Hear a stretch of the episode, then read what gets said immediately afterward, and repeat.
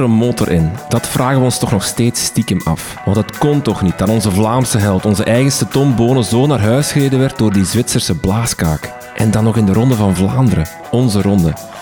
In 2010 reden de twee grootste klassieke renners van het moment samen de muur op. Bonen in de Belgische driekleur, Fabian Cancellara in dat rode saxobanktruitje. Het is Bonen die de kop pakt als ze de muur opdraaien en de eerste meters voor zich neemt. Hij staat op de pedalen. De Zwitser blijft zitten. Zo gaat dat meestal in Europa, dat de Zwitsers blijven zitten en niets doen. Maar in de koers is dat meestal een voorbode voor hele goede benen. Op het laatste stuk van de muur op weg naar het kapelletje zet Cancellara de motor aan. En wat voor een. Geen centimeter licht hij zich uit het zadel. Hij trapt ook niet echt rapper. Hij gaat gewoon rapper. Bij Bonen is het krampachtig, op de trapper stoempen. Wanneer de camera uitzoomt om beide camphalen in beeld te brengen en de schade op te meten, ligt de Zwitser al mijlen ver voor en is de Ronde van Vlaanderen uitgespeeld. De motor van Cancellara stond nog 15 kilometer door. Handen gaan in de lucht. De vraag is nu gewoon, wat voor motor was dat? Eentje op basis van energiegelletjes, melkzuur en beenharde spieren? Of eentje op basis van kilowattuur? We zullen het nooit weten. En dat mag. Hallo en welkom bij Gangmaker, een podcast voor en door amateursporters.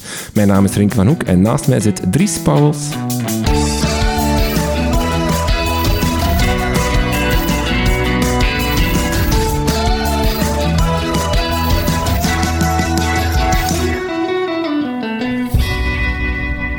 Dag Dries. Dag Renke. Alles goed? Ja, ze. We zijn nog eens op locatie. We zijn op locatie. En wat voor een? Ja, ja we, zijn nog eens, we mogen nog eens buiten. Ja. waar, waar zitten we? Uh, we zitten bij, uh, bij Canyon, hoofdkantoor van Canyon in, uh, in België. Dus we zijn vereerd dat wij hier mogen langskomen. In, het, in het prachtige Rotselaar?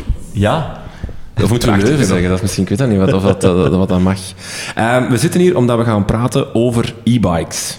Ja. Uh, misschien dat mensen nu denken, Canyon e-bikes, dat Canyon zijn toch vooral die supercoole grave uh, fietsen. eh, met Mathieu van der Poel op en zo. Maar die maken ook e-bikes. We gaan het hebben over de e-bike algemeen. En om daarover te praten hebben we hier uh, Niki de Keuster bij ons, de marketingmanager van, van Canyon België. Dag Niki. Goedemiddag. Uh, Niki, je weet het, we beginnen altijd met de sportgeschiedenis van onze gast. Um, de vraag is heel simpel, wat was jouw eerste sport? Voetbal. Voetbal, ja. uh, met de paplepel in de mond gekregen van, uh, van de papa. Hè. Dus uh, die heeft op vrij hoog niveau gevoetbald in derde klassen en zo. En ja, ik ben ook in die voetsporen getreden en bij dezelfde club gaan spelen. Diegem Sport. Um, eigenlijk, ik heb 20 jaar gevoetbald, waarvan 15 voor Diegem. En dan 5 voor Machelen. Dus ja, dat is toch wel nog altijd het grootste deel van mijn sportleven. Maar ja, dat is nu aan het veranderen natuurlijk. Wat was, uh, welk niveau is dat, Sport? Diegem is, ja, nu met die veranderingen, dat volg ik niet, niet echt meer, want toen was dat derde klasse. Okay. Uh, dus dat was wel een goede jeugdwerking en dat was vrij serieus al. Dus drie keer trainen per week, in het weekend match. Um, ja, dat heeft er misschien ook voor gezorgd dat ik er vroeg mee gestopt ben. Um, een beetje, ja, blasé, zoals dat ze zeggen in het Frans. Een beetje erop uitgekeken na een tijdje. Na vijf jaar eerste ploeg ook. Um, ja, gewoon de goesting verloren. Uh, ik kan het ook moeilijk zeggen waarom, want ik, ik speelde altijd, ik, ik amuseerde mij nog wel, maar ik voelde gewoon naar training gaan werd zo'n beetje een opgave. Um, natuurlijk ook het privéleven en je begint te werken. Je leert een vriendinnetje kennen, uh, enzovoort, enzovoort. Um, dus ja, dan georiënteerd naar de fiets. Uh, ja. Dus ja. Was het gewoon voetbal stoppen en dan gaan fietsen? Nee, er was wel een overgangsperiode. Dat mijn vader was heel fervent fietser toen. Um, dus ook door hem eigenlijk beginnen fietsen. Um, dus in de zomer was dat, ja, tijdens de zomerstop van de voetbal en we gingen op congé, was dat de fiets. Toch een paar keer gaan rijden en dan zo toch wel ja, de, de liefde ervoor ontdekt. En op den duur, die laatste twee seizoenen, was dat uitkijken naar de zomerstop om te kunnen fietsen. En als je dat voor hebt, ja, dan begin je toch na te denken van, wil ik dit nog wel? Uh, ja. En dan is er eigenlijk nog een periode geweest dat ik zaalvoetbal en fietsen combineerde. Uh, en dat ging nog wel, dat was redelijk druk. Uh, maar dan, ja, getrouwd, kindje. En dan moet je keuzes maken en dan beginnen fietsen.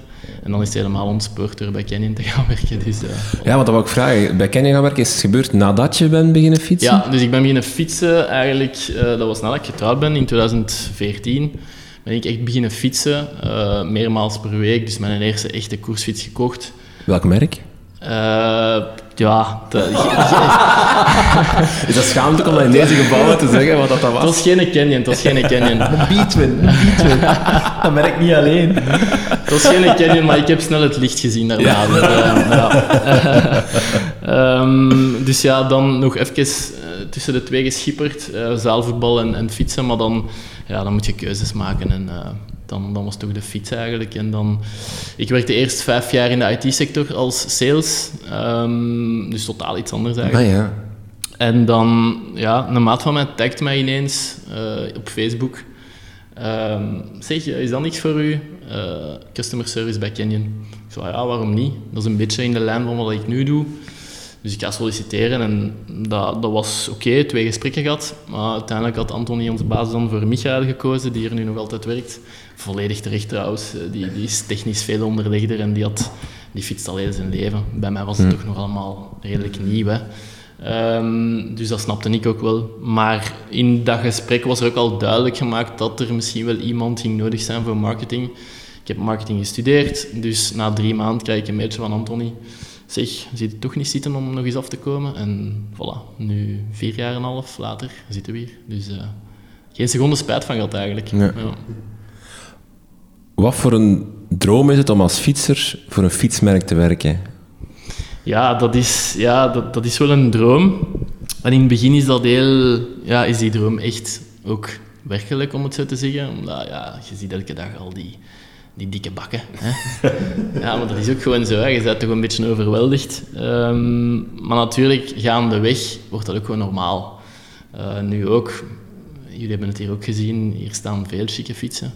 Dat is eigenlijk gewoon normaal eh, geworden voor mij. Ehm, maar dat maakt niet dat het minder plezant geworden is of zo. Het is gewoon, je staat iets meer met de voeten op de grond nu. Maar in het begin is dat inderdaad wel eh, ja, overweldigend. Eigenlijk de reacties die iedereen... Allee, iedereen die jij ontvangt, heeft dezelfde Ja. reactie waarschijnlijk. Ja. Zoals dat wij staan te kijken, te blinken met onze ogen. Inderdaad. Van, eh, Inderdaad. Maar natuurlijk, om de job uit te oefenen, moet je wel een zekere...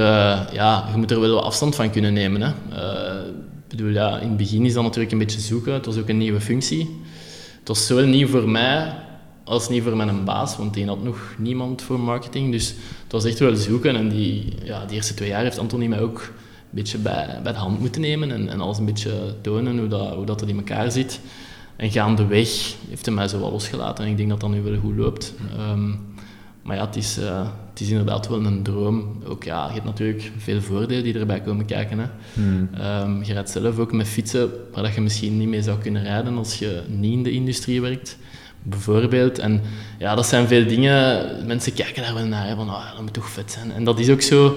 Maar ja, een beetje afstand van nemen, voeten op de grond. En ik denk dat dat het beste is sowieso. was je van in het begin een wegwielrenner? Ja, dat Of, wel. eh, ja. of was er ook mountainbike of iets anders aanwezig? Nee, echt puur weg. Eh, nu is dat een beetje ook aan het evolueren. Ik heb ook een gravelbike, maar eer- ja, de eerlijkheid biedt mij te zeggen dat, dat ik toch vooral op de weg rijd, ook met die mountain, ehm, gravelbike, sorry. Eh woon-werkverkeer dan.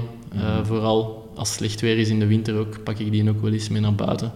En dan staat mijn ehm, koersfiets op de rollen. Dus dat is een beetje... dus ja. Eh, hoeveel uur eh, train je per week? Goh, trainen. Ik noem dat niet echt trainen, want het is niet dat ik blokjes train of zo. Nee. Ik heb ook geen... Ik, ik krijg geen Gran Fondo's of koersen. Ehm, waarom? Omdat ik... Ik denk dat dat ook een beetje komt doordat ik ja, 20 jaar dat competitieve heb gehad in de voetbal. Dat ik nu zoiets heb van, ja, dat hoeft niet per se. Ehm, ik probeer wel beter te worden. Altijd. Elk jaar wat progressie. Dus ja, ik ben wel bezig met wattages en toestanden. Ik train dat is moeilijk te zeggen eigenlijk, want mijn werk is niet trainen voor mij. Da- daar ben ik al wat voorbij. Vroeger was dat al wel. Toen ik daarmee begonnen ben, dan voelde ik wel, oef, dat is wel een belasting. Twee keer een uur zo per dag. Nu is dat gewoon, ja, ik probeer dat wel te gebruiken, om dan soms is intensiteit, als ik zie dat de wind tegenstaat, is een uurtje gas geven. Maar laat ons zeggen dat ik, ik, ik ga het op jaarbasis zeggen, ik rijd tussen de 10 en de 12.000 kilometer per jaar. En dan de e-bike kilometers tel ik niet mee, dus die moet je er ook nog bij tellen.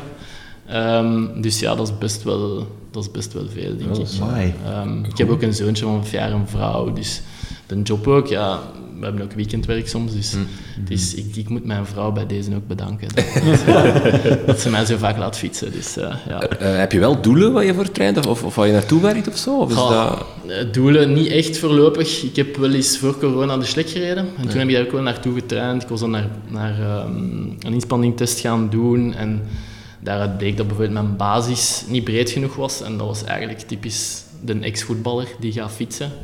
Ehm, dus ja, daaraan dan gewerkt. En zo aan een trainingsschema gekregen. En eigenlijk, ik heb toen heel veel opgestoken en opgeslagen van oké, hoe moet je nu beter worden en, en de verschillende varianten van te trainen dan. Ik probeer toch wel in de mate van het mogelijke dat erin te steken, zonder er te veel mee bezig te zijn. Maar ik weet ook wel dat je variatie moet brengen. We willen een keer eh, blokjes doen en dan allee, wit-zwart en niet te veel grijs. Ehm, daar komt het eigenlijk op neer. Maar ja, echt doelen momenteel, nee. Dit is misschien zo wel een vraag. Het, gaat raar klinken om het te vragen aan iemand van Canyon, maar kan je ehm, het merk Canyon even... Want wij hebben er al veel over gebabbeld en we zijn super blij met dat we met Canyon kunnen samenwerken, maar op zich, van waar komt het merk Canyon en hoe positioneer je dat op de, op de fietsenmarkt of zo, het merk? Want het is op zich wel een specifiek merk en het heeft ook wel een specifiek idee en een specifieke visie en zo. Ja, zeker. Ehm, goh, van waar komt het? Het is eigenlijk 30 jaar geleden begonnen ongeveer eh, met de, de founder, Roman Arnold. eh, die eigenlijk, die koerste zelf. Eh, die was toen nog redelijk jong. Vraag me de leeftijd niet exact, maar die was nog jong. Die koerste. En die zijn papa ging altijd mee naar de koers. En die zijn papa had gezien van, tja, ja, hier is misschien wel potentieel om onderdelen te verkopen, want die renners, ja, het gaat er hard aan toe, dat materiaal ziet af, dus ja, gaandeweg had hij zo'n trailer dat hij meenam naar de koers. Die begon daar onderdelen te verkopen, dat begon wat te groeien. Dan heeft hij een winkel gehad, ehm, met andere merken, à la Trek Specialized, die daar werden verdeeld. En dan, in jaar- begin jaren 90, heeft hij gezegd van, ja, ik ga het gewoon zelf beginnen doen. Ik ga mijn eigen merk ehm, creëren en ik ga dat gewoon direct online verkopen. En ja, dat is blijkbaar wel een goede zet geweest, kunnen we wel stellen. Eh, dus eigenlijk dat online businessmodel heeft altijd bestaan voor Canyon. Ehm, ik weet niet of je dat nog weet, maar die, die eerste fietsen die gebruikt werden bij Unibet, bij Lotto, daar stond ook Canyon.com altijd op, hè, op de onderbuis. Nu staat er gewoon Canyon, maar toen was dat nog Canyon.com om aan te geven van kijk, hè, eh, vind onze website alstublieft. Dus ehm, vandaar komen we eigenlijk. En ja, dat is gaandeweg gegroeid en dat blijft maar groeien. Ook wij staan soms versteld van de groei die we nog elk jaar zien. Ehm, Wat in vergelijking met andere merken, hoe jong is Canyon? Of hoe, hè, want je zegt Specialized Track. Ja, die zijn al ouder al? wel. Ja, ja, dat bestond wel al. Dus eh, dat is eigenlijk voor in de industrie zijn wij nog relatief jong. Ehm, en ja, ik denk dat we ons vooral onderscheiden met ons businessmodel, eh, dat we enkel online verkopen. Eh, ik denk dat dat ook wel een, een, een, dat geeft een prijsvoordeel, daar kunnen we niet omheen. Ehm, en, en daar plukken we de vruchten wel van, denk ik. En dan nu, Canyon, we associëren het, ook, ik zei het in, in het begin van met, met eh, graven, eh, de airroad en al die koersfietsen, Ja. eh, gravelbikes ook, mountainbikes, ook e-bikes. Ja, Ehm, ja. Waarom die stap? Ja, inderdaad. Ehm, als ik zeg van we bestaan 30 jaar en, en in Koblenz opgericht door Roman Arnold, ja, dat was puur performance allemaal. Hè. Dus dat was koersfiets, mountainbike, gravelbike. Eh, daar, daar komen we van, dat, zit nog altijd, dat is nog altijd ons DNA.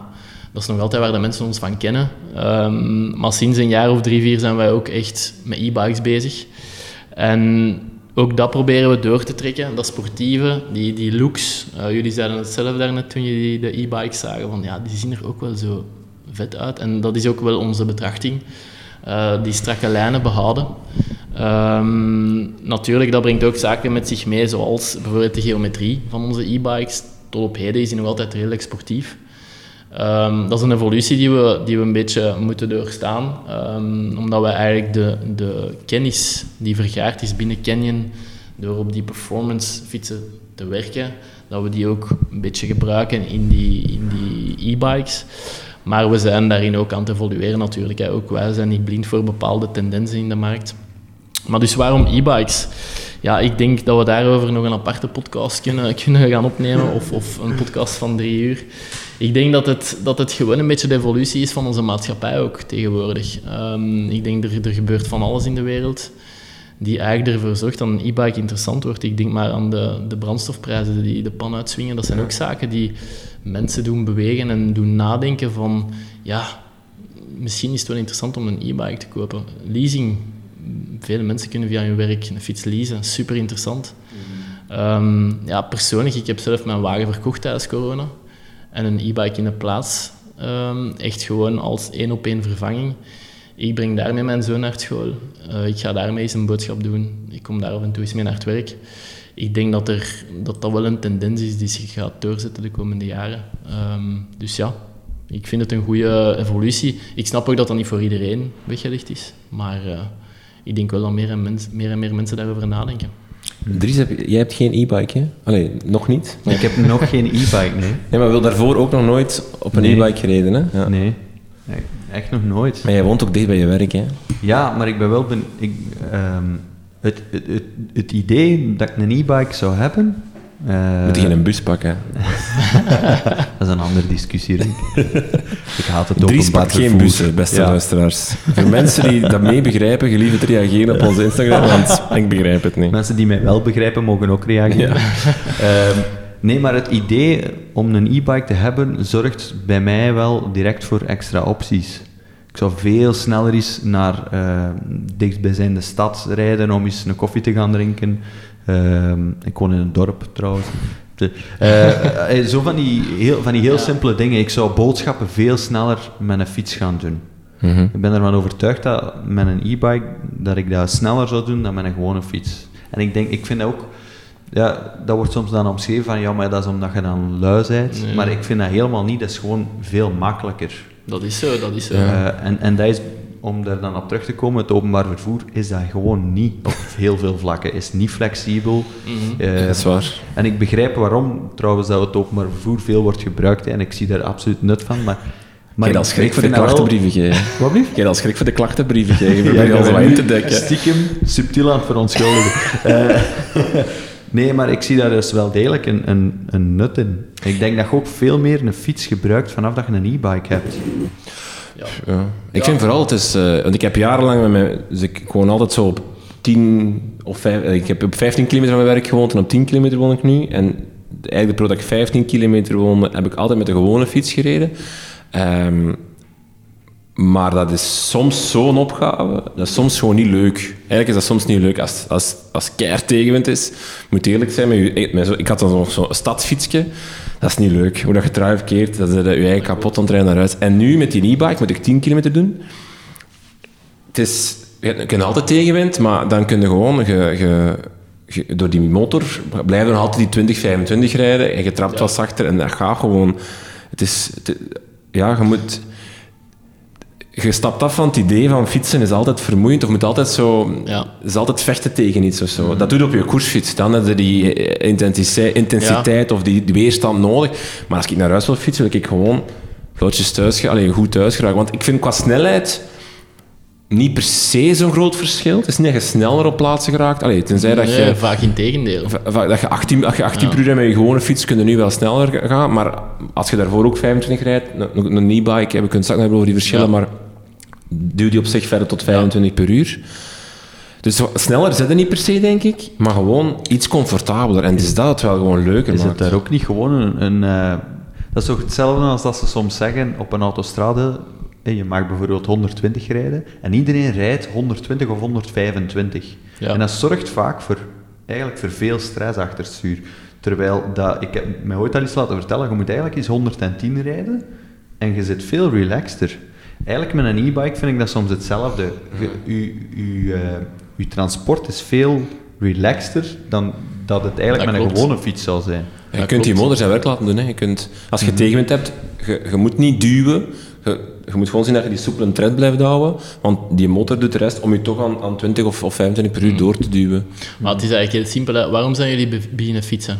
Er is, er is voor mij één term die, die een fiets eigenlijk Ah. Een term die het best bij het fietsen past. Vrijheid. Voilà, exact. Vrijheid. En een e-bike biedt gewoon een kans aan iedereen om dat soort vrijheid te voelen. Want niet iedereen is weggelegd om 3, 4, 5, 10.000 kilometer per jaar te rijden en is niet fit genoeg of heeft niet de, de mogelijkheden of heeft niet de tijd. Ik snap dat allemaal, maar een e-bike, in principe, ik kan voor iedereen rondom mij wel een reden bedenken van jij kunt een e-bike gebruiken voor dat of dat.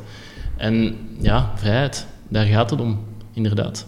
Ja, want ik denk ook, het wordt nu, ja, als je bij fietsenmakers binnenstapt, het wordt gewoon meer verkocht dan nog een gewone fiets. Ja. Ik denk ook dat dat de reden is. Allee, dat die, enerzijds is dat binnen de markt een beetje vraag en aanbod, maar de reden dat daar zoveel wordt gevraagd is omdat volgens mij ook heel veel mensen met diezelfde, allee, op datzelfde ontdekken. Dat, ze, dat, dat eigenlijk gewoon, dat je dat voor heel veel dingen kunt gebruiken. Ja, ik denk dat corona Ja, ja, sorry dat ik het weer moet vermelden, maar ehm, ik denk dat corona daarin ook wel een rol heeft gespeeld. Dat mensen hebben gezien hoe dat het voelt om geen eh, ochtendstress te hebben of avondstress te hebben in de files. Nu zijn de files, ik sta er zelf nooit in, maar ik hoor het van mijn vrouw dan, eh nu zijn de files erger dan ooit. En dan denk ik van, ja, pak gewoon een e-bike of een gewone fiets, maar je komt anders toe op je werk. Echt waar, ik ben ook jarenlang met mijn wagen naar Brussel Centrum gereden. Ik had 20 kilometer te doen van Hoelaert naar ehm, Brussel-Zuid. Ik deed daar soms een uur, anderhalf uur over. En dan kom je zo gestresseerd toe op je werk, dan ben je niet productief.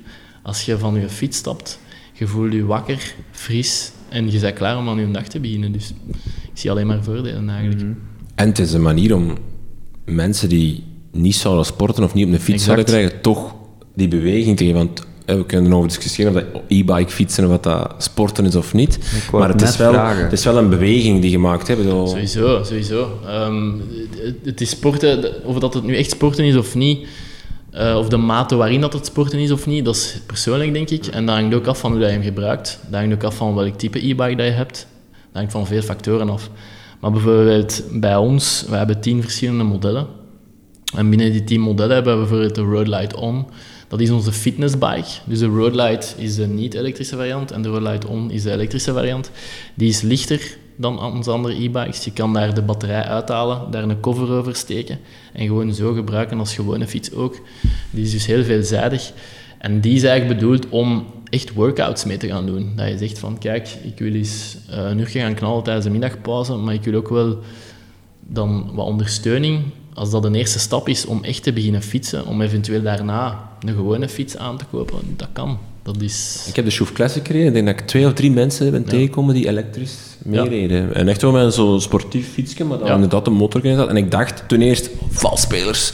dus mij voorbij staken bij Rob. Anderzijds dacht ik, ook wel cool dat je, dat je op die manier dit kunt meedoen. Ja. Want, allee, ja want dat is inderdaad wel... je moet er er geen Grand Fondos mee rijden, maar als je zo'n Schoof Classic, allee, zo, zo'n zo'n fietsevenement, en gaat dat misschien anders nooit kunnen om mee te kunnen, om bijvoorbeeld mee te kunnen met je vriend of met je, of met je vriendin, ehm, is dat wel tof dat je dan dat wel kunt meedoen met een elektrische e-bike, koersfietsachtig iets of zo. Dat is wel, dat is wel, wel inderdaad, tof. Inderdaad, dat hebben we ook. Een, een, een e-bike koersfiets. En eigenlijk, we we pushen die heel weinig, moet ik zeggen. We hebben andere prioriteiten, maar eh, die verkoopt eigenlijk vrij goed. En ja, mijn vermoeden is dat dat vooral de iets oudere eh, mannen zijn, die dan misschien niet meer kunnen volgen eh, op zondagochtend met de maten. En die denken van, ja, weet je, ik koop mij gewoon een e-bike, een koersfiets, en, en dan kan ik gewoon nog mee met mijn maten. En Is het subtiel weggewerkt, Nicky? Valt het op dat het een elektrische koersfiets is? Ja, er, ik moet daar eerlijk in zijn. Er zijn andere merken die, die het iets beter wegwerken. Ehm, Met zo'n batterij krijg je ook. Nee, maar dat het mij gewoon af omdat je dan zo stiekem kunt meegaan ja, er, en- zijn, er zijn er op de markt wel je het echt bijna niet ziet. Eh, daar, staan, daar zijn wij niet tussen momenteel. Wie weet komt dat nog. Bij ons is het met een Fatsua-batterij, dus die zijn vrij duidelijk zichtbaar in de onderbuis. Eh, maar inderdaad, er zullen wel eh, wat verhalen zijn zo, van mensen die... Ja, want ja, dat is gewoon een dikker kader. Ja, Dus dan kunnen we gaan zeggen, ja, maar dat is een aerodynamische fiets. en dan... eh, Eh, ehm, waar moet je op letten als je een e-bike wilt kopen? Wat zijn zo parameters die belangrijk zijn? Eigenlijk is de eerste vraag die je moet stellen, is waarvoor ga je hem gebruiken? Ehm, dat, dat is eigenlijk de basis. Want die gaat ook bepalen eh, welk type e-bike dat je koopt. Maar natuurlijk, er zijn eh, verschillende afmontages, er zijn verschillende merken van eh, motors en batterijen. Ehm, wij spekken de onze met Bosch, Shimano en Fatsua. En ehm, Bosch is bekend om de goede uh, motors voor de stadsfietsen en dergelijke. Shimano heeft hele goede uh, batterijen en motors voor uh, het offroad gedeelte. Dus dan spreken we over e-mountainbikes, heel krachtige ook. En Fatsuwa is daar ergens tussenin ook. Um, die staat dan bijvoorbeeld op die lichte um, e-bike. Um, maar dus dat is dan een eerste keuze die je moet maken van wil ik een stadsfiets, wil ik iets tussenin, wil ik een e-mountainbike, wat ga ik daarmee doen? Um, er zijn ook heel veelzijdige modellen die een beetje van alles kunnen. Um, Dries, die ga jij ontdekken. Onze Pathlighton bijvoorbeeld, die kan een beetje overal uit de voeten. Maar dat is de eerste vraag. En verder, ja, er zijn mensen die een voorkeur hebben van ik moet een Bosch motor hebben. Ja goed, uh, we hebben verschillende modellen en een stadsfiets of dan de iets meer off-road fiets. Uh, natuurlijk, als jij zegt van ik wil in Dardenne afdalingen gaan doen, um, dan kom je al in een bepaald segment terecht. Dat is dan sowieso een Shimano um, motor. En waarom? Omdat die daarin gespecialiseerd zijn. Uh, tegenover Bosch, dat dan gespecialiseerd is in, in de, meer in de stadsfiets. Die Shimano uh, batterijen, daar zijn er tussen van 900 wattuur. Dus die zijn best wel krachtig, terwijl dat dan de, die voor de stadsfiets zijn dan rond de 5 à 600 wattuur. Uh, en, en die wattuur staat eigenlijk voor de capaciteit. Van Hmm. hoe lang, hoe ver kun je. Um, maar bijvoorbeeld, goed om te weten is ook dat wij um, rekening houden met de maat van het frame. Dus bijvoorbeeld de per seat on rinken die jij gaat uh, gebruiken. Je hebt een XL-kader. Ja. Daar zit een 625 wattuur batterij in, omdat wij ervan uitgaan dat vanaf L, daar is eigenlijk de cut-off, vanaf L zitten we aan 625, omdat die mensen vaak groter zijn, soms iets zwaarder. Uh, en om die eigenlijk dezelfde uh, capaciteit mee te geven dan de kleinere, okay. lichtere mensen. Ja, dus dat is een beetje het idee erachter. Maar dan bij de e-mountainbikes zit je eigenlijk meer met prestatiegerichte afmontages. Daar is het eigenlijk belangrijk dat die mannen ja, lang genoeg ook kunnen klimmen. En dat is vaak heel stijl. Dat vraagt heel veel van die motor en die batterij. Dus daar gaan ze eigenlijk naar 700 en 900 uh, wattuur batterijen om toch de mensen een, uh, een paar uur plezier te gunnen. Voor iemand gewoon woon-werkverkeer. Als we, als we naar die wattuur gaan kijken, hoeveel heb je nodig voor gewoon woon-werkverkeer? Laat ons zeggen een afstand van 20 kilometer of zo heen. Ja, ja dat is, met 500 zit je eigenlijk uh, perfect. Okay. Ik doe het zelf ook. Je kan, afhankend van de stand die je gebruikt, je hebt vier standen bij Bosch. Um, maar je kan idealiter kan je 100 kilometer rijden. Okay. Uh, maar natuurlijk... Op de Eco. Ja, op de Eco inderdaad. Uh, ah, is er een Eco? Eco, Tour, Turbo en... IMTB ertussen. Bij sommigen, dat, ah, dat is dan ja. inderdaad wel raar dat dat IMTB heet. Bij Bosch, uh, ja, dat is... Dat is dat dus dat is een mountainbike stand? Uh, ja. Oké. Okay. Maar dat, dat is om het kind een naam te geven, denk ik. Ja, ik weet ook niet goed van Want waar ja. dat komt. Want, Want Eco zal dan meest zuinig rijden, ja. neem ik aan. Dus dan kan je het langs mee doen. En dan wil, wat, voor, wat voor impact heeft het dan op de, op de uh, prestatie? Gaat hij dan... Ja, dan moet je meer zelf trappen. Hè. Ja. Um, daar komt het eigenlijk op neer. Uh, je moet meer zelf trappen. Hoe hoger dat je gaat in uh, ondersteuning, hoe minder dat je zelf moeite moet doen. Je voelt dat ook gewoon. Als je berg, vooral als je bergop rijdt, is dat toch wel echt... Want natuurlijk, zo'n e-bike weegt ook meer. Hè. Um, ja, ja, dat is altijd om en bij de 20 kilo, behalve dan die lichtere e-bikes. Maar meestal is dat toch wel een, een, een doodgewicht dat je dan meetrekt. Ik heb het onlangs eens voor gehad. Op een kilometer van mijn thuis ineens niks meer ja, dat deed wel pijn aan de benen. dat, was, uh, ja, dat was geen eirood. dat is een verschil. Ja. Ja. Ja. Maar zo inderdaad, zo range hey, of afstand dat je mee kan doen, dat is, dat is wel vaak ook een belangrijke pijler voor mensen die een e-bike willen kopen. Um, wat zijn daar de mogelijkheden op dit moment eigenlijk al in? Het is, zo, dus, dat is een beetje de vraag, altijd bij de dingen die op uh, zo, elektrische auto's, is ook nog altijd de, vragen van oh, hoe ga ik daar zo ver mee ja, geraken? Ver, ja, ja. Wat, wat, zijn zo de mogelijkheden op dit moment? Goh, ja, ik, denk, ik denk dat daar nog heel veel progressie in zit. Um, een tendens is ook, ik heb net de drie grootste spelers op de markt genoemd, um, qua motor en batterij. En de tendens is wel, zien we dat, dat merken, dus zoals Canyon, um, hun, hun, eigen motor en batterij beginnen te ontwikkelen. Mm. Dus um, ik denk dat we daar meer naartoe gaan ook. Uh, en dat veel merken daarmee bezig zijn. Maar het is wel heel moeilijk om dat in te schatten van waar dat juist ja, waar dat plafond ligt. Ik denk dat er echt wel, dat is zoals met gsm-batterijen. hè. Eh, Mhm. Daar vragen we ons soms ook af van, is dat nu niet mogelijk om een batterij te ontwikkelen die een week meegaat? Mhm. Hier is dat een beetje hetzelfde van, ja, waar zit dat juist? Dat is heel moeilijk om in te schatten. Eh, De vraag is ook, is ook Ja. minder nodig wel. Hè? Als je 100 kilometer kunt met een stadsfiets, hoe vaak ga jij 100 kilometer op Ja. een dag fietsen Ja. zonder Dat dat, je mis moet Dat opladen? klopt. Natuurlijk, het hangt ook af van eh, die range. Als ik zeg 100 kilometer, dat is in ideale omstandigheden. Ja. Wat zijn ideale omstandigheden? Niet te warm, niet te koud. De rijder niet te licht, niet te zwaar. Eh, Zo'n dingen. Hè. Dus ehm, extreme omstandigheden hebben een enorm effect op de batterij. Eh, in, in, in heel koude temperaturen rijden, gaat die gewoon sneller leeglopen. Ook ehm, de, het opladen is ook een belangrijk punt dat ik misschien kan meegeven. Het is heel slecht om je batterij bijvoorbeeld 100% op te laden en die dan helemaal leeg te rijden. Dat is heel slecht. Dat is moet- een smartphone ook blijkbaar. Ja. Ah, ik dacht Klopt. dat vroeger dat altijd moest. Nee. Klopt, want ik zie ook altijd te klagen dat mijn iPhone na twee jaar dood is en, en dat hem amper een halve dag meegaat. Maar dat is waarschijnlijk mijn eigen schuld ook, omdat ik die altijd volledig oplaad en, en zo. Dus, maar bij, bij een e-bike batterij is het eigenlijk idealiter dat je tussen de 20 en de 80 procent altijd zit te spelen. Dus dat je eigenlijk zegt van, ik krijg hem niet volledig leeg als ik hem, ehm, als ik hem 100 procent heb opgeladen en ik laat hem al terug op. Eh, dus dat je eigenlijk die range van 20-80 daarmee een beetje Maar ook niet volledig laten opladen dan. eh, dat hoeft niet. Nee, inderdaad, dat hoeft niet. Ik probeer dat hier ook te doen eh, als, als ik hem oplaad. Ehm, als ik zie bijvoorbeeld, ik kom hier toe en ik heb nog 20%, dat ik hem ook niet volledig ga opladen. Nee, inderdaad. Dus ehm, Ja. dat kan de levensduur ook gewoon rekken van uw batterij. Ja. Bij een smartphone tegenwoordig wordt, eh, wordt dat zelf Ja. beschermd. Ja. Dan stoppen die Ja. rond het 90% en dan, dan geven die echt een Ja. melding al. Eh, Oké. De motor in het voorwiel, het achterwiel of in het midden. Ja. Dat is blijkbaar ook een keuze die je kan maken als... Wat, een motor? Ja. Maakt dat uit waar dat die Wel, zit? Eh, dat, maakt, verschillen dat maakt uit, ja, absoluut. Ehm, het verschil is eigenlijk de, de kracht van de motor, ehm, vooral eigenlijk. De middenmotor is krachtiger dan die in voor- of achterwiel. Maar vooral ook de rijervaring. Eh, ik, ik heb Van nog nooit... mij heel raar. Ja, wel. Ik heb nog nooit met zo'n, met zo'n fietsen gereden die voor of achter hebben, want we hebben het niet in ons gamma. Dat kan ik al meegeven. Ehm, maar het lijkt mij heel raar qua evenwicht ook. Eh, dat is ook een van de grote voordelen van die middenmotor. Dat is logisch als je erover nadenkt. Hè. Dat, is een, dat is een serieus gewicht.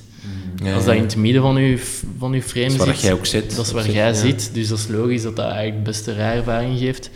Maar ja, dat zijn zo wat de verschillen inderdaad. Eh, Ja, van voor lijkt me echt raar. Ja. Dat je zo, dan wordt voor, er eh, voortgetrokken, terwijl dat je van achter gestuurd wordt, is op zich logisch. Dat zijn wel budgetvriendelijkere oplossingen. Dus ja, dat is een keuze van fabrikant eh, tot fabrikant die afhangt.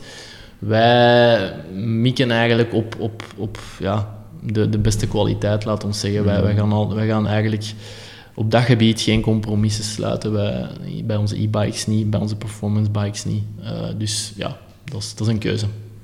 Waar zou Canyon, eh, waar zou uh, Cancellara zijn eh motor gestoken hebben? In het midden of... van- Nee, sorry. Dat weten we niet. Ik heb er niks... eh, ik ik Een riem gezegd. of een ketting? Ja, ook Op dat zich is... niet echt per se een e-bike. Ofwel, is dat wel eigenlijk een e-bike vraag? Eh, kan nee, er Heb je dit bij gewone fietsen ook? Wel, Dat bestaat ook bij gewone fietsen, ja. ja, absoluut. Ehm, maar dat is wel een belangrijke, inderdaad. Eh, Mijn heeft een riem. Is het echt? ja, ik heb dat ook bewust gedaan, omdat dat het... het, eh, het Je kent mijn rijstijl. Weet- Voilà, inderdaad. Slecht weer gaan rijden, die ketting vuil, Rinke kan zijn ketting niet, niet goed plaatsen. En dan, dan staat hem hier na een week. nee, ja, het, het is inderdaad wel het makkelijkste. Het is het makkelijkste in onderhoud. Ehm, ik rijd er zelf ook mee en ik moet zeggen, ja, het is, Je moet niets doen, echt, Je moet hè? niets doen. Ik heb al twee andere fietsen om te onderhouden, dat is al genoeg Ja, werk. voilà. Eh, is, ja, het is wel duurder, inderdaad. Ehm, bijvoorbeeld die Pursuit On van Rinke zit op 3,5 ongeveer met riem. En dan heb je nog twee lagere afmontages met gewoon kettingcassette. Eentje met 11 speed, eentje met 12 speed van 2,5 of 3. Oké, het Dus het is wel echt een verschil. Want van wat is die riem gemaakt? Allee, Dat is carbon. ja, oké. Dat is carbon, ja. Oh. ja. Maar dus eigenlijk het grootste verschil is onderhoud. Hè. Eh, je hebt daar eigenlijk niks aan te doen. En ja, laat ons eerlijk zijn, als je, als je in vuil weer rijdt, met de koersfiets is dat ook. Hè. Je moet de ketting onderhouden. Eh, je moet die af en toe eens wat proper maken om de levensduur te verlengen. Dat is hier net hetzelfde. Plus, Wat er ook bij komt, ehm, je zet veel meer kracht ook. Hè. Die, die onderdelen zien wel meer af dan bij een gewone fiets. Wat dat betreft, wat we bijvoorbeeld vaak zien bij e-bikes met kettingcassette die hier binnenkomen, en dat was vooral bij de eerste generatie. Eigenlijk onze eerste generatie e-bikes waren e-mountainbikes. De Neuron, de Spectralon, echt zo die downhill bakken. En ehm, die kwamen heel snel terug met zo die kleinste kroontjes. Helemaal naar de vaantjes. Maar die andere kroontjes, allemaal nog tip-top. Dus ja, wat gebeurt er? Mensen rijden zo groot mogelijk op een e-bike. Je gaat dat wel voelen. Je hebt altijd de neiging om direct op je grootste versnelling te gaan staan en groot te trappen. Dat is gewoon zo. Dat is een, dat is een natuurlijke reflex van de mensen. En ja, mensen die ook niet veel met een gewone fiets rijden, hebben niet de reflex om soepel te rijden. Ik zeg dat ook altijd tegen mijn vrouw. Rijd eens soepeler. Dan altijd groot ja, trappen. Nee. Want ook dat is... Trekken aan dat Ook dat heeft effect op hoe dat u, op uw batterij en uw motor en op de levensduur en op ook gewoon tijdens een rit op in hoeverre dat die leegloopt. Ook dat speelt allemaal mee. Maar dus ja, kettingriem, het is gewoon vaak een kwestie van budget, eerlijk gezegd. Mm. Ja. Ik heb een ketting. Jij zult een ketting hebben, ja. ja. Oké. Dus goed onderhouden. Ik ga een stomme vraag stellen, maar een koersfiets met een riem, hoe ver zijn we daarvan af? Of is dat niet een plan? Dat ah, ja.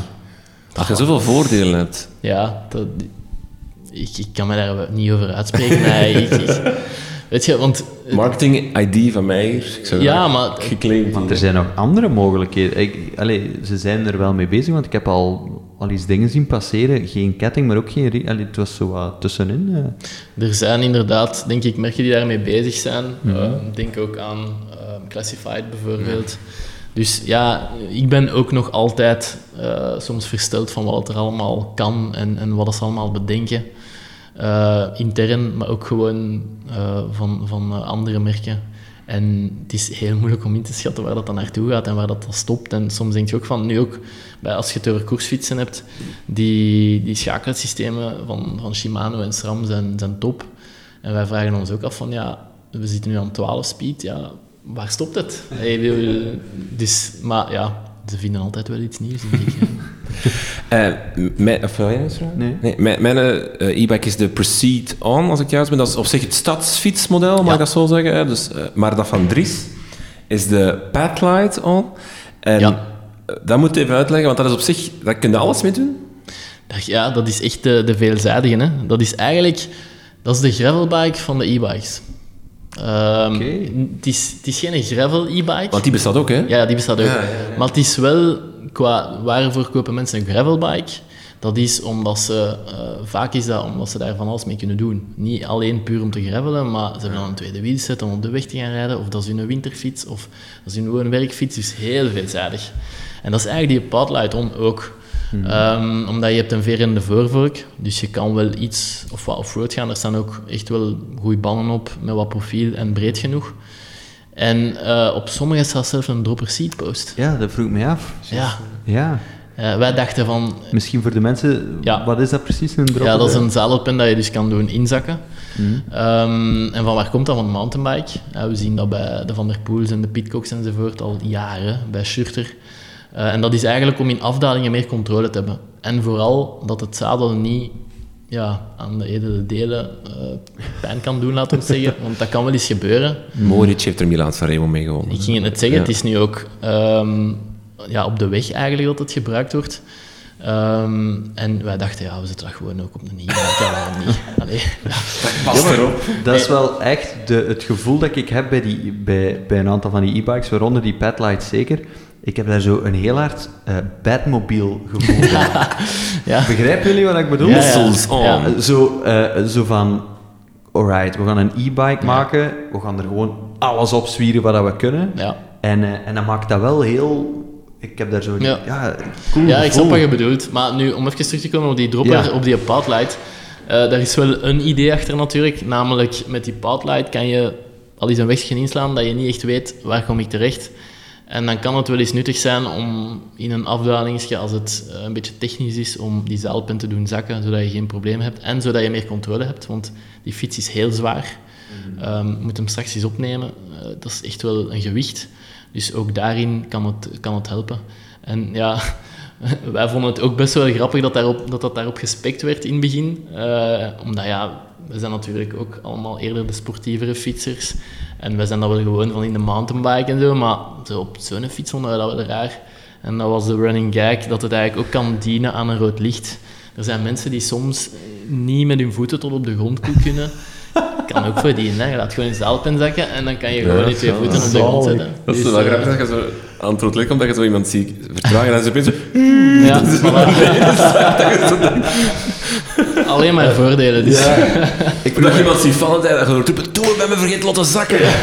Dat is zo de, de, klik, de klikpedalen van de e-bike, maar het is de, de seat Ja. proper. Voilà. Oh, zalig.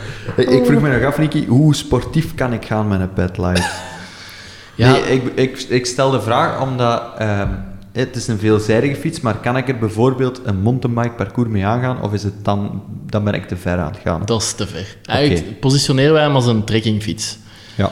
Dat is natuurlijk ook redelijk vaag als begrip. Hè. Wat is nu gaan trekken? Ja, daar kun je ook verschillende definities van verzinnen, denk ik.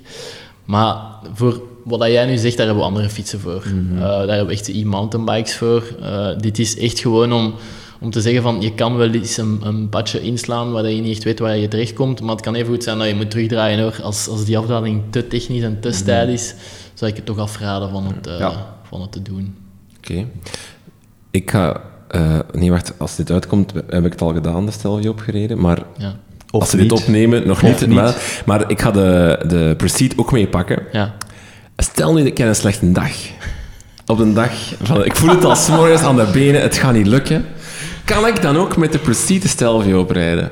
24 kilometer Ja. omhoog. Ja, dat kan. Dat kan. Maar Oeh, de verleiding gaat groot. Denken, ik wil graag... misschien nu niet, niet op turbo, Niet op turbo, op Ik- ik eco. weet het niet, maar eco ja. is dan... Ja. misschien tussenin zo. Of zo beginnen op, ehm, op ehm, de tweede stand. De Tour.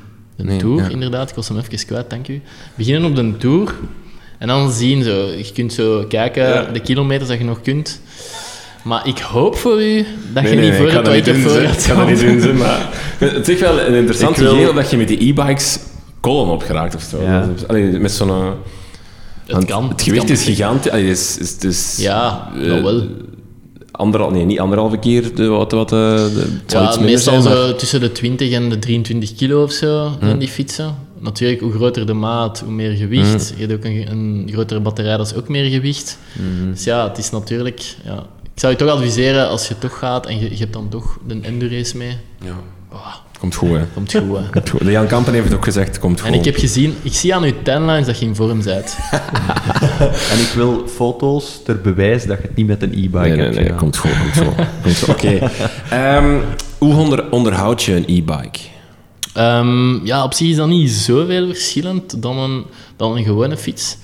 Ehm, zeker als je dan over een riem spreekt, ja, dan heb je zelf minder werk. Maar eigenlijk ketting, cassette is een beetje hetzelfde. Hè? Eh, gewoon zien dat je, dat je op tijd je fiets en vooral die aandrijving goed in toog houden.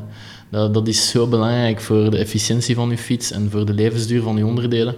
Als je een ketting te lang gebruikt, eh, ga je de cassette en de, de tandbladen van voor gewoon om zeep helpen, terwijl dat helemaal niet nodig is. Als je op tijd je ketting vervang- vervangt, kan je twee tot drie keer van ketting veranderen zonder dat je cassette en tandbladen moet vervangen. Dat is eigenlijk net hetzelfde bij e-bikes, al is daar natuurlijk, zoals ik daarnet zei, de kracht die je gebruikt is zoveel meer dat het wel meer afziet. En dus, ja, één inspectie per- per jaar is sowieso nodig, zoals bij elke fiets. Ehm, de, de lagers uiteraard ook, in de wielen, maar ook eh, aan de headset enzovoort. Ehm, maar eigenlijk niet zoveel verschillend. Dus ja. En qua batterij, hè, je zet er net al niet te zot opladen, niet helemaal tot het einde Ja. opladen en niet helemaal te leeglopen. Is- Is er nog iets wat je kan doen om die duurzaamheid te verhogen? Of is dat... Goh, dat, is, dat is moeilijk. Eh, ik denk- Bijvoorbeeld, als stel je e-bike buiten staat, Ja. is het dan een idee om altijd die batterij eruit te halen, s'nachts, dat die niet buiten blijft? Of, is dat, of maakt dat geen verschil? Eh, ja, ehm, dat zou ik wel aanraden, inderdaad. En er bestaan dan zo covers om dat af te dekken, want dat is natuurlijk ook wel een ding. Ja. Eh, als je die batterij eruit haalt, dat is goed voor de batterij, maar je hebt daar die connectoren ook Ja, ja, ja. allemaal. Dat is ook niet zo gezond. Dus ik zou al eerst, eerst en vooral zeggen, probeer die binnen te zetten. Ehm, wat wel een belangrijke is, eh, niet opladen als je niet thuis bent, bijvoorbeeld. Of niet opladen s'nachts als je aan het slapen bent, want er kan al eens iets gebeuren. Hè? Ehm, dus probeer die altijd op te laden als je thuis bent en wakker bent voor de veiligheid. Ehm, dat is wel een belangrijke tip, denk ik. Oké, nog uh, één dingetje over waar we zijn. We zijn hier uh, dus in het nieuwe... Uh, of nee, in het nieuwe... ja, het is wel nieuw, hè. Dat is een beetje het ding eigenlijk waar we hier zijn. Het is Ja, het is vernieuwd. Het is eigenlijk in, waar zijn we? Misschien moet jij het uitleggen, ja. want Dries zei daarnet het hoofdkwartier van, van Canyon in België. Ik weet niet of dat ja, de juiste omschrijving is. gewoon indrukwekkend om te zeggen. ja. Maar... ja, dat is ook wel een beetje zo, hè. maar het heet officieel Canyon Factory Service. Um, dat is eigenlijk een pilootproject voor Canyon um, in de hele wereld. Dus uh, wat is de bedoeling? Uh, wij zaten hier al een jaar met ons servicecentrum ondertussen. Dus uh, we komen van Haasrode. Dit pand is denk ik zeven tot acht keer groter dan daar. dat was ook echt wel nodig. op de duur waren de collega's van de werkplaats blij dat wij thuis moesten werken door corona. Dan konden ze de fietsen van klanten gewoon aan onze bureaus gaan zetten, want er was geen plek meer. dus dat hadden we nodig. Eerst en wel die ruimte, dat was de eerste stap. Maar zoals jullie zien, of al gezien hadden, er waren ook ruimtes die nog onbenut waren het voorbije jaar. En daar zijn we dus aan, uh, aan bezig geweest om een concept uh, te, gaan, uh, te gaan uitwerken die past bij ons businessmodel, die ook aanvult waar nodig. Ehm, wij staan ook niet stil, wij zien ook wat er, wat er beweegt. Wij luisteren ook naar onze klanten van wat kan beter. En um, ja, service is een belangrijk punt voor ons. Uh, dus wij blijven onze fietsen wel online verkopen. Maar wij zien ook wel, en zeker met die e-bikes, dat is een ander publiek. Die hebben meer service nodig, zowel pre- als after-sales.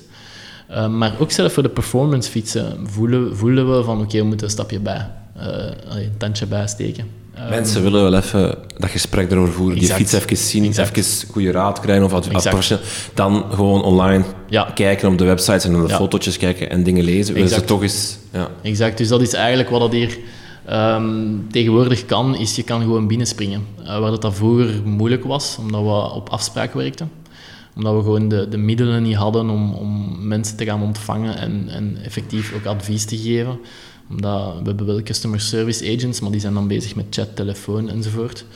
Uh, nu is er dat wel, dus mensen kunnen gewoon binnenwandelen. We kunnen de maten opnemen. Um, maatbepaling staat ook op de website, maar we merken wel dat dat voor sommige mensen niet zo eenvoudig is of dat ze nog onzeker zijn. Bijvoorbeeld als je tussen twee maten valt, kan je al eens twijfelen. Dus kan je gerust naar hier komen. Uh, we kunnen de bestelling met de mensen samen plaatsen. Het enige wat ze nog moeten doen is, is betalen um, online. En de fiets kan hier ook geleverd worden. Wij steken die voor de mensen in elkaar. Dat is allemaal extra service die we willen bieden om de beleving, uh, de ervaring van de mensen een beetje naar een hoger niveau te tillen. Omdat we ook voelen dat dat nodig was. Uh, wat ook een, een, plan is, is dat um, mensen de fietsen kunnen zien. Dan hebben we ook gemerkt dat dat een, een belangrijk ding is een dingetje is. Um, bijvoorbeeld die, nieuwe, die nieuwste Airroad in die hot salsa kleur. Ja, dat is er eentje... Dat is een moeilijke, want de mensen zien wel dat dat is een gewaagde kleur. En op de website of op een scherm ziet hij er ook anders uit dan in het echt. We hebben al veel commentaar gehad, die staat hier nu ook. Commentaar gehad van mensen, ja, eigenlijk valt die echt beter mee dan op de website dat zijn dingen die mensen over de streep kunnen halen van oké, ik bestel hem toch, want ik kan hem gaan bekijken in Rotselaar en dat valt mee, dus ik bestel hem. Dat zijn kleine dingetjes die ons nog kunnen helpen om, uh, om nog meer fietsen te verkopen eigenlijk. En er is nog iets extra, want als je een fiets hier aankoopt, dan kan je binnenkort ook een extra ervaring erbij krijgen. Klopt. Aanvinken op de website. Ja. Laat ons zeggen, vanaf eind juli, begin augustus uh, voor mensen die dan een fiets bestellen, gaat er een, uh, een knopje extra zijn op de website. En dat heet New Bike Day. En uh, ja, Dries en Rinken hebben hier al een beetje de beleving kunnen, kunnen meemaken. En ze waren, ze waren onder de indruk. ja, dat is echt tof. maar wat is New Bike Day? Eigenlijk komt het erop neer dat je de fiets hier komt afhalen en dat die gemonteerd is. Um, ook al is het zo dat wanneer je de fiets thuis geleverd krijgt, drinken, je hebt het ook gemerkt, het valt eigenlijk mee hè, qua werk. Maar goed, um, er zijn mensen die daar geen tijd voor hebben, geen goesting voor hebben, maakt allemaal niet uit. Wij bieden die service, die fiets wordt in elkaar gestoken en wordt hier gewoon opgehaald. Um, wij voorzien ook een half uur per, per persoon om echt wat uitleg te geven over de fiets, maar dat die ook vragen kunnen stellen van, over de fiets of wat dan ook. Een heel beperkte bikefit ook, kan ook. Dus um, zadel op hoogte zetten enzovoort, die dingen. Um, dus ja, dat is een beetje de bedoeling van die New Bike Day. Dat mensen gewoon hier buiten wandelen, met een tevreden gevoel en een opgebouwde fiets die perfect uh, afgesteld is. Ja, maar vooral, die, die fiets staat dan zo, wordt dan tentoongesteld met zo'n scherm achter. Waarop dan Nog staat... niet te veel verklappen. Ah, oei. Ah, nee, nee. Mijn De rest scherm moet je zelf ontdekken. Stop. Nee, nee, dat mag je Met een scherm erachter, Ja. waarop iets staat. Waarop iets staat. Boeken. Nee, kopen. call to action. Nee, maar misschien moeten we een call to Niet action maken. Renke is nog een beetje aan het... eh, Wat lief? je bent nog een beetje aan het frieken van hetgeen wat je net hebt gezien. Ja, Ja, ik snap het wel, het, het, het enthousiasme, maar laat ons, laat ons nog niet te veel verklappen. Laat ons gewoon zeggen aan de mensen van, als je een hebt besteld, Ja, Voilà. klik op New Bike Day en Het is dan wel leuk. Zelf tegen. wel... misschien de call to action maken. Hè? Dus eh, e-bikes bij Canyon te bestellen online, canyon.com. Ehm, de Proceed en is, is de stadsfiets. De Ja. Padlight On is de... ehm, Allround. Allround, maar kan je op, eh, perfect gewoon werkverkeer Ja, mee doen, maar ja. kan je ook op zondag met het gezin de gravelweggetjes verkennen en zo verder. Zijn er nog specifieke fietsen die je even wilt aanstippen van die kunnen voor de gangmakerluisteraars interessant zijn? Eh, zoals ik daarnet zei, de Road Light On is misschien wel een leuke, want dat is zo een beetje ehm, tussenin. Dat is, een, dat is wel een e-bike, maar die kan je ook heel sportief gebruiken. Ehm, dat is ook een hele toffe voor mensen die in de stad wonen. Eh, omdat je, je bent er snel de stad mee uit als je iets sportiever wilt gaan fietsen. En dan eens dat je de stad uit bent, kan je de ondersteuning afzetten en eh, een workout doen. Dat is nog wel een leuke, inderdaad. Of de commuter on, ook voor mensen die in de stad. Dat is echt voor mensen die zich verplaatsen in de stad, maar die niet echt het sportieve willen, maar gewoon efficiënter willen kunnen bewegen dan in de file staan of moeten rekenen op openbaar vervoer. De Road Light On ziet er bijna een single speed Ja. fiets uit, hè? Die ziet er, ja, die ziet er ook beter en beter uit. Eh, Ja? ja? absoluut. Want ik vroeg het me eigenlijk af, een, een single speed elektrisch zou toch ook Ja. nog cool kunnen zijn? Ja, dat zou wel cool zijn, ja. Nee, ja, ik denk... Ik kan eens naar mij uitkijken, waar? Nee, nee, maar je hebt op zich ook eh, al elektrische fietsen die, waar je niet meer moet schakelen, maar die zo zelf... Ja, inderdaad. Schakelen. Die hebben wij ook trouwens, de Pursuit On, de carbon variant. Eh, dat was eigenlijk... Dat is eigenlijk de grote broer van de aluminium variant, waar, waar jij nu mee gaat rijden. Ehm, maar ja, carbon, ja, dan spreken we over een andere prijsklasse. En daar staat inderdaad ons hoogste model, dus de Pursuit On CF9. Die heeft het Enviolo-systeem, dus met de riem, maar ook met automatisch schakelen, dat je niet eens zelf moet... eh, want jij gaat nog zelf moeten draaien. Ja. Daar niet. Dat wordt allemaal automatisch gedaan. En eh, ja, dat is, dat is best wel indrukwekkend. Dus dat is dan niet echt single speed, maar... Nee, maar het single Ja. speed gevoel als e-bike zou Ja. echt kei, kei tof zijn. Ja, en daar is ook wel publiek voor, inderdaad, Ja? denk ik. Ja. Ik, ik ken het single speed gevoel niet. Het single speed gevoel... Is dat zo dat gevoel dat je zo aan het fietsen dat je denkt, ach, zou jij een tandje lager eh, Nee. schakelen? Is dat dat gevoel? Dat het leuke zo, gevoel ja. bij single speed is, je stapt op die fiets, die weegt ook niks, hè, want dat is maar één versnelling. Eh, en het, het toffe is gewoon altijd, je begint super zwaar, en dan vanaf dat je een bepaald tempo haalt, gaat dat veel te snel.